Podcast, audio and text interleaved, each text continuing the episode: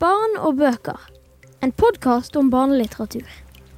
tenker kanskje først og fremst på det at alle skal kunne finne noe som de kjenner seg igjen i i litteraturen.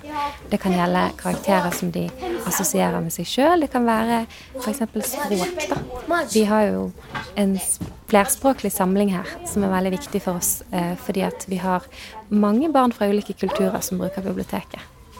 Ja, for den er nemlig, mange plasser så er det jo sånn at en gjerne må komme og spørre spesifikt etter et språk eller en tittel, men her er det veldig sentralt plassert. Kan du fortelle litt om hvorfor du har gjort det sånn? Ja, det er litt viktig for oss, for det er veldig mange av de barna som er, bruker biblioteket og som går på skolen her, har et annet morsmål. Eh, mange nyinnflyttede til landet, og da er det litt viktig for oss å ha eh, den flerspråklige samlingen litt midt i rommet.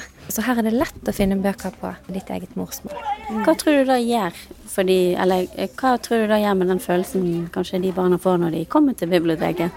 Jeg håper det betyr at de føler seg litt hjemme her. Det er i hvert fall den opplevelsen vi har. Det er mange som bruker mye tid her på biblioteket. Og jeg tror nok at den flerspråklige samlingen er med på å gjøre det så kjekt for de å være her. På Nykornborg er lyden av mange språk en naturlig del av hverdagen. Men hvordan står det egentlig til med mangfoldet i bøkene skrevne for barn? Eksempel med tanke på ting som hudfarge, bakgrunn, funksjonsnivå, legning eller kjønn. Jeg inviterte Aksel Bjare Undvin og Erika Elida Kvenseth fra Barn og bøker sitt barnepanel til en prat i studio. Jeg har lest flest bøker der det kanskje ikke er sånn, men jeg har òg lest mange bra bøker der det er sånn. Har du noen eksempel? Vi skulle vært løver, jeg er Leona, Ti kniver og hjerte, Buffy by. Ja, Buffy by, da. Hva er spesielt med den boken? Det handler om en eh, ganske fattig jente i en ganske fattig familie i Oslo. Ja, Så da handler det på en måte om å være fattig i et rikt Ja, men hun, land? hun går sånn på skolen, liksom, men den er jo gratis, da. Så mange, når hun er hjemme hos folk, så har de sånn Hun bare wow, de har så mange ting i skapet, liksom. Mm. Men hva tror du det betyr hvis noen som sitter og leser den i en klasse, kanskje har veldig dårlig råd, men ikke har turt å si det til de andre i klassen? Hva kan det bety å da lese en fortelling der den personen som kanskje har det veldig trangt økonomisk hjemme, kan kjenne seg igjen? Så hvis jeg hadde vært veldig fattig og lest den boken, eh, liksom og sett at jeg hadde fått representasjon, og at noen eh, brydde seg og hadde de Sant? Altså, da eh, hadde, jeg, da hadde jeg blitt ganske glad. Kanskje sett ting mer positivt. Hvorfor tror du det? Nei, for da vet du at no, noen andre har det litt sånn som deg. Ja, hvorfor er det så viktig, da, Erika? Jo, fordi kanskje du tror Hvis du ikke har sagt det til noen, og ingen andre har snakket om det til deg, du ikke har tatt en film der det er sånn, du ikke har lest en bok, så tror du kanskje at, det- at det er bare deg som er sånn, at det er feil. At det er ingen andre som har det sånn. Det det er liksom feil. Men hvis man Og det gjelder liksom andre, alle andre ting. At for eksempel hvis du leser om det i en bok, at eh, det fins, eller at det liksom Det er ikke noe galt med det. Og kanskje før tenkte du at det var feil. At det, at det ikke var vanlig. Ja, Aksel? Jeg kan uh, komme med et poeng her. Altså, Ja, gjerne. Det, det er, altså, for eksempel hvis du er homoseksuell eller uh, Mm. noen av de bokstavene, Ja. uh, så um, hadde det vært litt greit å lese en bok hvor det er liksom Å ja, det er andre som er som meg. Jeg er ikke unormal og rar. Eh, Ja, sånn at Da betyr det noe, da, hvem som er Hvem fortellingene handler om. Ja. Ja. Det må jo liksom ikke bare være hovedpersonen. Det kan jo være en som er med i boken. At det blir sagt, men det, for eksempel, at det handler ikke akkurat om den personen, men kanskje den personen har to mammaer som foreldre i stedet for en mamma og en pappa. At det liksom blir nevnt, men det er jo ikke de de handler om, det er jo personen. Ja, så Hvis det bare blir nevnt som en helt naturlig del av fortellingen, At- så når en er forfatter, har en lov å skrive om hva en vil? Ja, Aksel? Altså, jeg, jeg mener det På en måte Altså, la oss si du var eh, født uh, her, nede, her nede i Bergen, teoretisk sett. sant? Um, og så skriver du en bok om hvor vanskelig det var å være same. sant? Eh, det, for meg så syns jeg ikke det går helt, fordi du er ikke same. Altså, du kan skrive uh, liksom sånn samenes historie, hvor dette hvordan samene har hatt det opp gjennom årene. sant? Um, men du kan ikke skrive fra perspektivet av en same, som oftest, fordi du er, hvis du ikke er en same. Nei, det er sånn. Men altså, jeg føler at du kan ha en bok altså, så, du, jeg, Det er litt vanskelig eh, å svare på, for du, du kan ha en bok hvor hovedpersonen er en same, sant, og de eh, jeg vet, altså, sant, Og de bare har noen problemer, men så sant? Men altså Det er litt sånn eh, grått område. Mm. Så det det egentlig mener begge to, er at det kommer veldig an på måten en gjør det på. Ja. Men hva Ja, Erika? Ja, jeg leste en veldig bra bok som handlet om liksom, Det var lenge siden når det var sånn fornorskning, liksom. Den norske regjeringen ville at eh, de ville, at de, ville ikke ha samisk kultur, liksom. Og den het Lappjævel. Den var, jeg tror det er sånn to år siden. Den, den er ganske ny, eller? Ja. Den var veldig bra. Den handlet om at en, en gutt som ble, var same, da, og så ble han sendt på skole, så måtte han snakke norsk og eh, em, gjøre, sånn, skrive på norsk, og det hadde han aldri gjort før. Og så måtte han bo der, liksom. Men Ja, ja. Så da, og den fortellingen var jo viktig, kanskje, at ble Ja. fortalt. Ja. Eh, Du, Aksel, hadde et veldig godt poeng før vi gikk inn her i studio, og det handler òg om representasjon, da. Eh, Ja, Ja, jeg, jeg, jeg kan si det, jeg. si det, du. Eh, det var at um, la, la oss si du skal skrive en historie om uh, eh, La oss si, jeg vet ikke, gutt eller jente. Jeg bare sier Jeg vet ikke. Gutt, sant? Altså, em, og så skal han da kjempe mot en drage for å redde en hunden sin. Sant? Mhm. Det kan være sant? Det er bare sånn Men altså Da eh, Hvis du har en plan for en historie, så syns jeg du burde gå med den planen for historie. Du skal, sant? Han kan ha hvilken som helst hudfarge. Du trenger ikke være hvit for å drepe drager. Sant? Nei, det er veldig Men, sant. sant? Så der er, der, der er et sånt område hvor det er greit å skrive.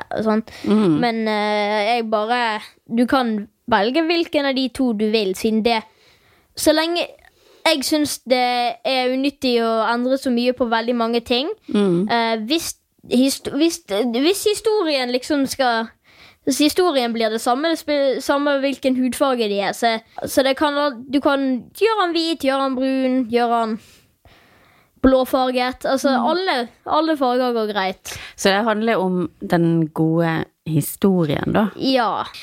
Du, hvis det går helt greit å ha en eh, eh, person med brun hud i boken din. Ja, det går helt fint at han er i rullestol. Sant? Men hvis det ikke er det du planlagt, og du liksom bare tenkte å ja, eh, mer inklusivitet, du liksom legger det inn etter du er ferdig med historien. Ja, så tror du at det vil merkes at det blir liksom påklistra i historien. Ja. Hvis du leser en bok som handler om ei jente som er litt sånn som deg sjøl, som gjør noe veldig modig, for eksempel, hva tror du da eh, gjør med måten du eh, føler deg på? Da tenker jeg kanskje at å ja, det, da kan jo faktisk jeg òg Det kan faktisk jeg òg gjøre. Og jeg, og hvis jeg for eksempel trodde ikke at mm, jeg kan ikke gjøre det, fordi det går liksom ikke, så leser du en bok eller noe sånt, og bare Jo, men jeg kan jo faktisk det, fordi det går jo an. Jeg eh, Bare hvordan det ser ut, betyr jo ikke hvordan det kan være inni meg, hva, hva jeg kan gjøre, liksom. Mm. og, hva, og motsatt, da. Hvis en aldri får lest om noen som er sånn som en sjøl, hvordan tror du det at en kan føle seg da? Ja. Jeg tror ikke man kan føle seg bra, og eh, at man tenker at eh, Men det er jo ingen som skriver bøker om sånt, så det må jo liksom være feil, eller Det er jo, det, det er jo ingen andre enn meg som er sånn, og da kan jeg, jeg, jeg kan ikke gjøre det, liksom. Det går ikke. ja, sånn at det er viktig at en kan identifisere seg med det en leser eller ser på TV, da. ja det, det er oppsummert omtrent alt jeg har sagt i dag. Ok. Veldig bra. Jeg syns at vi nå har fått ganske bra svar på det jeg lurte på. Er det noen av dere som har lyst til å legge til noe? Erika? Et tips til de som, eh, de som forfattere, liksom. Ja, det er interessant. Jeg må ikke være redd for å skrive om mangfold eller noe sånt. Ikke være redd for det, fordi hvis du er redd for det, så skjer det ikke, og da blir det ikke så bra. Ja, ikke, ikke vær redd for å skrive en bok med en i rullestol, en som er homoseksuell, en som er brun i huden. For, sant? For, fordi folk kommer til å være veldig sur på deg på nettet. Eller andre steder. Sant?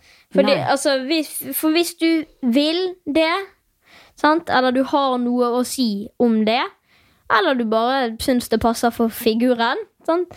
Så bare er Da kan du gjøre det, du ikke være redd. Ja, hvis du er redd for det, så tror jeg ikke da tror ikke jeg det blir så bra. Men hvis du ikke er redd for å tenke at dette kan bli bra, og hvis jeg legger det til, og at uh, jeg tror det faktisk dette kan bli bra, og hun personen eller han personen passer veldig bra til det, da tror jeg det kan bli bra. Men hvis du tenker det motsatte, at da tror jeg kanskje ikke at da, da blir det kanskje litt sånn at du kan såre noen med et uhell. Ja, da liksom. blir det litt sånn tvungent. Ja. Ja, Aksel? Et eksempel på folk som ikke liker når det føles litt sånn tvungent, Mm. uh, er den der uh, ekte versjonen av Den lille havfruen. Ja.